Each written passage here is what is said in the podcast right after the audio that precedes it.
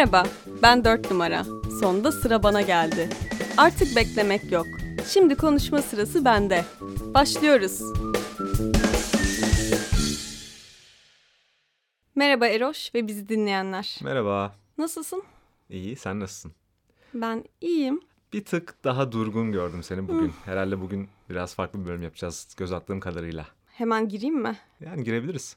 Ben bugün e, doğru düzgün tanımadığımız birini nasıl sevebiliriz? Hatta eksikliğini hissedip onu nasıl özleyebiliriz? Bunun hakkında konuşmak istiyorum. Evet tahmin ettiğim gibi bir tık dört numaranın çizgisinden kayan diyebileceğim bir bölüm olacak sanırım. Yani bundan çok emin değilim. Çünkü bu podcast'in çıkış noktası yıllardır içimde tuttuğum ne varsa şimdi aklıma estiği gibi konuşmak. Bu da aslında şimdiye kadar içime atıp da paylaşmak istediğim konular arasında. Ama şey açısından dediysen bizi dinleyenlerin her zaman yüzünde bir gülümseme, bir tebessüm olmasını tercih ederiz. Belki bugün e, onu çok sağlayamayabiliriz. O konuda bir söz vermeyelim. Olsun çeşitlilik sağlamış oluruz. Evet. Ne anlatacaksın bugün? Dediğim gibi yani çok iyi tanımasam da e, sevdiğim biri hakkında konuşmak istiyorum. Bu bir dakika geçen bölüm yapmadık mı bunu ya? Atatürk'ten mi konuşacağız yine? Hayali arkadaşım meselesine mi döndük? Bunları Hayır. çözdük sanıyordum Zuzu'cum. E, ben bugün rahmetli babaannem hakkında konuşmak istiyorum. Hmm, Evet. pardon.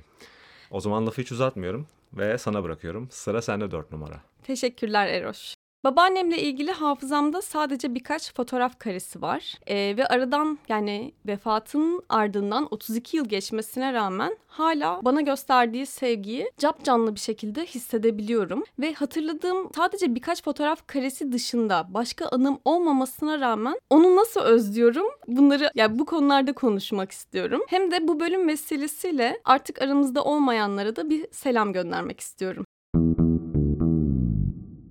Ben dedemi hiç görmedim Eroş. Yani babamın babasından bahsediyorum. Babaannemi kaybettiğimde de 3 yaşını biraz geçmiştim. Babaannem 3 Ocak 91'de vefat etmiş. Ölümü beni çok etkilemiş ya da etkiledi. Ya buraları ben hangi geçmiş zamanla anlatmam gerektiğine bir türlü karar veremiyorum. Mişli geçmiş zaman mı, değilli geçmiş zaman mı kullansam bilemiyorum. Çünkü bazı şeyleri hatırlıyorum, bazı şeyleri de hatırladığımı zannediyorum. E, o yüzden de bazen değilli, bazen mişli deyip ikisi arasında gidip geleceğim. Babaannemi kaybettikten yaklaşık 6 ay sonra ailece tatile gittik ya da gitmişiz. E, yıllardır annemin çok severek anlattığı bir olay olmuş o tatilde. Ben de bunu annemi canlandırarak anlatmak istiyorum izninle. Eyvah merakla bekliyorum. Başlıyorum o zaman. Zuzuş çok girişken bir çocuktu. Bir de kaybolma huyu vardı. Kaybolma huyu mu? yani demiyor da iki çocuğa göz kulak olamıyorum 3 yaşında çocuğa. Huya bak ya böyle huy mu Sana şey olur? böyle, hep buzuzuş yani. Aynen öyle. Neyse anne canlandırmasına geri döneyim. O yaz Kumbağa'da sahilde oturuyoruz. Bir baktım bizimki yine ortadan kaybolmuş. Tam aramaya çıkacakken uzaktan geldiğini gördüm. Peşine de 4-5 tane yaşlı kadın takmış. Yanıma geldiler. Kadın bana diyor ki babaannesini kaybetmiş galiba. Bize dedi ki siz benim babaannem olur musunuz? Ya. İçimiz parçalandı vallahi. Yazık. Evet ya iç parçalayıcı gerçekten. Şimdi burada bir e, araya girmek istiyorum. Aslında ben de girecektim ama Ne diyeceksin bakayım? Şimdi şey dedin sanki 3 yaş ve birazcık üzeri olabilir. Hani Evet, e, tatilde bu de şeyler- üç buçuk yaşında falanım. Sen 4 yaşında konuşan biri olarak bu cümleleri nasıl sarf edebildin o insanlara yoksa bize mi Ay uyduruyorsun? gerçekten aynı şeyi söyleyecektim. yani. Zaten benim aile tarihimde son derece tutarsızlıklar var. Ama şeyi de hatırlarsın. Annem bana demişti ya sen 4 yaşında konuşmaya başladığın doğru değil. 4 yaşına girmene birkaç ay vardı konuşmaya Ya başlamıştın. bak annen de doğru söylüyor bazen Belki de yani. doğru söylüyor. Senin söylediklerine çok güven olmaz yani. Bunu asla bilemeyeceğiz Eroş. Ama bu arada bu hikayede ikinci bir tutarsızlık daha var. O da şu. Annemden ilk dinlediğimde yaşlı kadın sayısı 2 idi. Geçenlerde sana anlatırken kaç dedi? 7-8 falan gibi bir şey hatırlıyorum yani. Sürekli sayı artıyor. Sen anlatıcı yönünü de annenden almış olabilir misin? Üstüne kata kata her seferinde. Olabilir, olabilir. Hikaye. Yani- Ona şey diyelim, hikaye anlatıcılığımı annemden Hadi almışım. Öyle diyelim. Şu an 13. bölüm 15. bölümde anlattıkları daha da güven olmayacak. 20 bölümde kim bilir neler söyleyeceksin yani.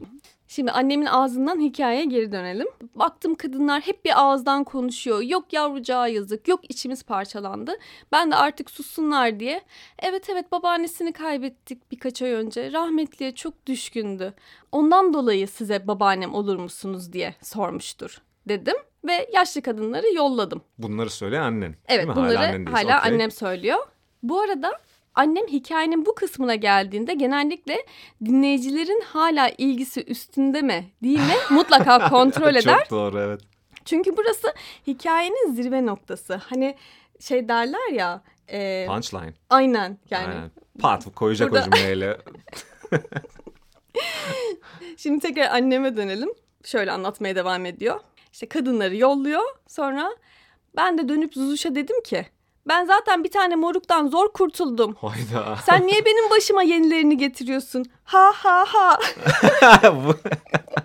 Son kısmın böyle olmadığına çok eminiz ama hadi öyle olsun. Hiç komik değil anneciğim. Annem babaannemi sevmezdi Eroş. Çünkü kayınpederi ve kayınvalidesiyle 15 yıldır aynı evde yaşamanın bıkkınlığı vardı üstünde. Ama bu çok anlaşılabilir bir şey Ya. bu arada. Evet evet ben de O yadırgamıyorum. bıkkınlık yani okey. Bu arada annem babaannemi bir anne olarak ve büyük anne olarak her zaman takdir ederdi. Annemden çok duymuşumdur. Ama onu kaynan olarak sevmiyordu. Yani buna yapacak bir şey yok. Yani anlaşılabilir bir şey bence de. Ama ben babaannemi seviyordum. Annemi de seviyordum. ve sevdiğimiz birinin sevmediği birini sevemez miyiz? Çok güzel bir soru. Tabii ki sevebilirsin. Tabii ki sevebiliriz. Öteki türlü kendimizi bir sürü toksik ilişki zinciri içinde bulurduk herhalde. Aynen öyle evet. Şimdi yine biraz 90'lar nostaljisi yapalım. Hadi bakalım. Annem ilkokula başlayana kadar beni altın günlerine götürürdü.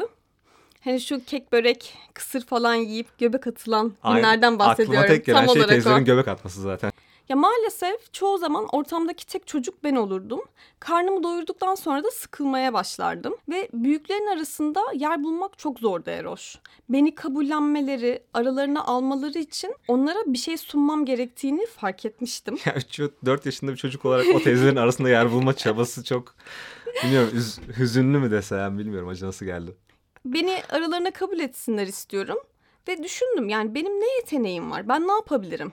Yine bir gün altın günündeyiz. Kadınlar sırayla şarkı söylüyorlar. Bir ara sessizlik oldu. Muhtemelen bir şarkıdan ötekine geçilirken ben hemen atladım.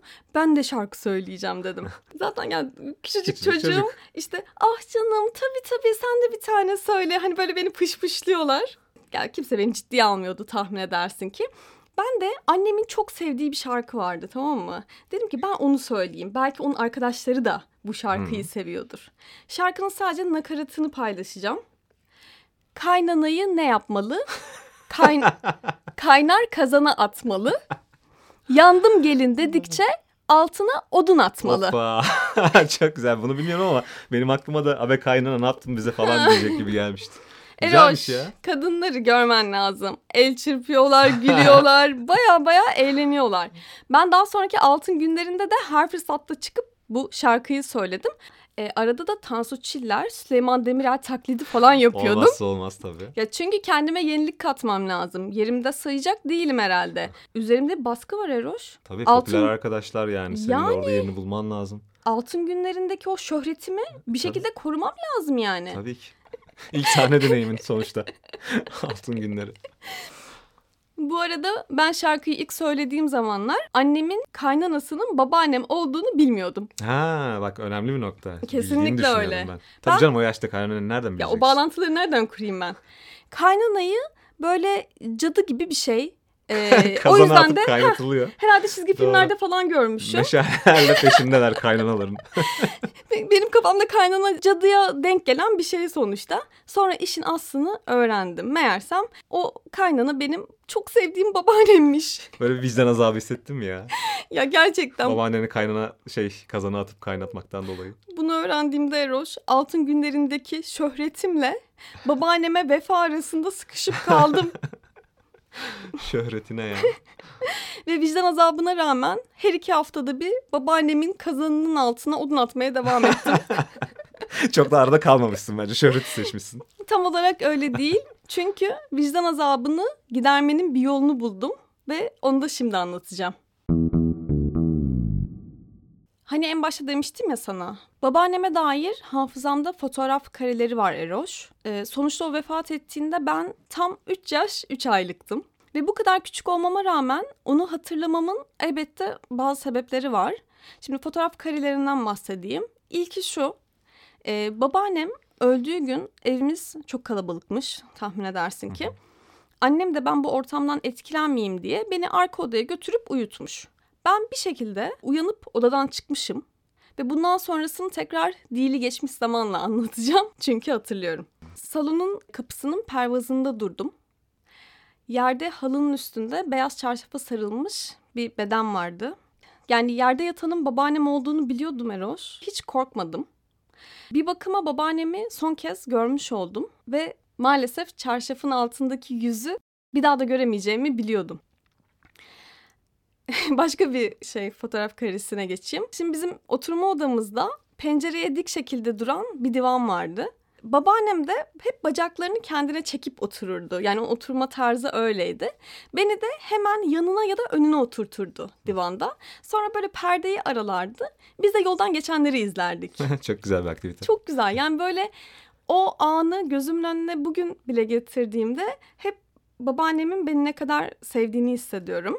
Aynı odada bir fotoğraf karesi daha var aklımda. O da şöyle. Divanın e, hemen karşısında bir soba vardı. Bazen divanda yani babaannemin yanından kalkardım divandan ve o sobanın yakınında halının üstüne otururdum. Bağdaş kurardım. Muhtemelen oyunlar oynardım böyle oturduğum yerde. Arada kafamı kaldırıp babaanneme bakardım. Ne zaman baksa beni izlediğini görürdüm. Böyle babaannemin çok küçük bir suratı vardı. Çok zayıf bir kadındı ve kocaman yeşil gözleri vardı. Ve böyle hep gülümserdi bana baktığında. Ve bu da benim için çok yer etmiş bir kare. Babaannemin ölümünden sonra çocuk dünyam harekete geçmiş olmalı. Yani onu o kadar çok özlemiş olmalıyım ki bir şekilde onu diriltmenin yolunu bulmuşum ya da buldum. Bu bahsedeceğim şey tam olarak ne zaman başladı bilemiyorum ama ilkokuldan önceki yıllar olduğunu söyleyebilirim. Babaannemin vefatından hemen sonra biz başka bir eve taşındık. Yani artık onunla ilgili anılarımın olduğu ev yoktu. Ben de yeni evde e, yalnız kalabileceğim bir oda bulduğumda ki bu oldukça... Çok nadir de olsa buluyordum herhalde. bu bir mücadeledir bizim evde bilirsin. İşte yalnız kaldığım bir odada bağdaş kuruyordum Eroş. Gözlerimi kapatıyordum. Kendimi bir anda o eski evdeki sobalı odada buluyordum. Sonra sobanın yanında bağdaş kurmuş şekilde uçuyordum. Kafamı bir çeviriyordum. babaannem Babaanne. de gerçekten babaannem de yanımda bağdaş kurmuş. O da uçuyor. Çok tatlı. Yani babaannemle birlikte uçuyorduk. Harika. Ne zaman babaannemi özlesem, onu görmek istesem böyle yapıyordum. Hani şu altın günlerinde bahsettiğim kaynana şarkısını söylediğimde vicdan azabı çekiyorum dedim ya. Hı hı. O zaman da ilk fırsatta hemen bu bağdaş kurma numarasını yapıp babaannemle uçuyordum. bir, Gönül alma yöntemi evet? Evet yani bir şekilde hatamı telafi ediyordum ona karşı. Babaannemin neden bende bu kadar iz bıraktığına dair yetişkin yaşlarımda çok düşündüm. Ve sanırım cevabını buldum. Şimdi benim üç ablam e, aynı anda sabahçı ya da öğlenci oluyormuş. Annem öyle bir ayarlama yapmış onlara. Dolayısıyla onlar okuldayken evin sadece en küçüğü değil aynı zamanda tek çocuğu oluyormuşum. Hmm. Yani ben babaannemin biricik torunuydum Eroş. ve bana bunu gerçekten hissettirdi. Ve benim gibi kalabalıklarda büyüyenler için biricik tek olmanın anlamı çok çok büyük. Ben babaannemin beni sevmesini, beni biricik torunu gibi sevmesini çok sevdim. Babaannemi de çok sevdim. Onun da tekrar buluşmanın bir yolunu bulacak kadar sevdim. Hani en başta bir soru sordum ya. Doğru düzgün tanımadığımız birini nasıl sevebiliriz? Ve hatta eksikliğini hissedip onu nasıl özleyebiliriz? Sanırım kaç yaşında olursak olalım bize sunulan karşılıksız sevgiyi hayatımız boyunca unutamıyoruz. 3 yaşında kaybettiğim babaannemi hala hatırlayıp özleyebiliyorum. Yani bu ana hatırlama meselesinde bir teorim var. Yani ne kadar doğrudur bilmiyorum. Belki de gerçekten bilimsel bir şeydir ama e, genelde 3-4 yaşlarından itibaren bir şey hatırlamaya başlıyorsun ve o hatırlamaya başladığın anlar çok değerli, unutulmaz, sende yer bırakan şeyler oluyor. Demek ki o yaşlarda onun sevgisi sana gösterdiği o kadar e, yer edici bir şeymiş ki senin için e, o hatıralarla başlamışsın bir şeyleri hatırlamaya ve hani kendine dair muhtemelen hatırladığın ilk anı babaannenle yaşadığın bu güzel anlar olsa gerek. Bu teoriyi sevdim. Bence doğru. Öyle görünüyor. Evet. Bu bölümü hazırlamamı tetikleyen şeylerden biri babaannemi yakın zamanda rüyamda görmüş olmam. Bu yani arada. e, 4 numara çizgisinden bir tık da olsa farklı diyebileceğimiz bu bölüm. Biraz senin babaanneni rüyanda görmene e, borçluyuz. Öyle diyebiliriz ama öte yandan da sanki ben illaki babaannemle ilgili bölüm yapardım. Ama Aklımdaydı zamanlamayı zamanlamayı rüyaya borçluyuz diyebilirim. Rüyamı merak ediyor musun? Anlat bakayım neymiş. Rüyamda yine eski evimizdeki sobalı odadaydık babaannemle. Ben bu halimleyim ama çocuk Ha, değilim yaştasın. yani. Evet evet yetişkin halimleyim. Divanda yan yana oturmuşuz. Bana olan sevgisini rüyada bile hissettim Eroş. Çok güzeldi gerçekten. Keşke onu daha çok görebilsem rüyalarımda. Şimdi size artık aramızda olmayan çok özlediğiniz kişileri görmek için gidin kuytu bir köşe bulun. Gözlerinizi kapatın. Bağdaş kurun ve o kişiyle birlikte sobanın yanında uçun demeyeceğim. Merak etmeyin. Çünkü Çünkü sova yok artık. aynen bu eksiklerden biri. Bir de şu var. Bunu yapabilmek için çocuk saflığında olmak gerekir ve maalesef bunu çoktan kaybettik. Ben bile rüyamda bir kez daha uçamadım. Ancak iki yetişkin gibi yan yana oturabildim babaannemle. Ama hepimiz için bir temennide bulunabilirim. Belki gece uykuya dalmadan önce özlediklerimizi anarsak, onları düşünürsek bir ihtimal rüyamızda görebiliriz. Artık aramızda olmayan sevdiklerimizle belki rüyalarda buluşuruz. Umarım.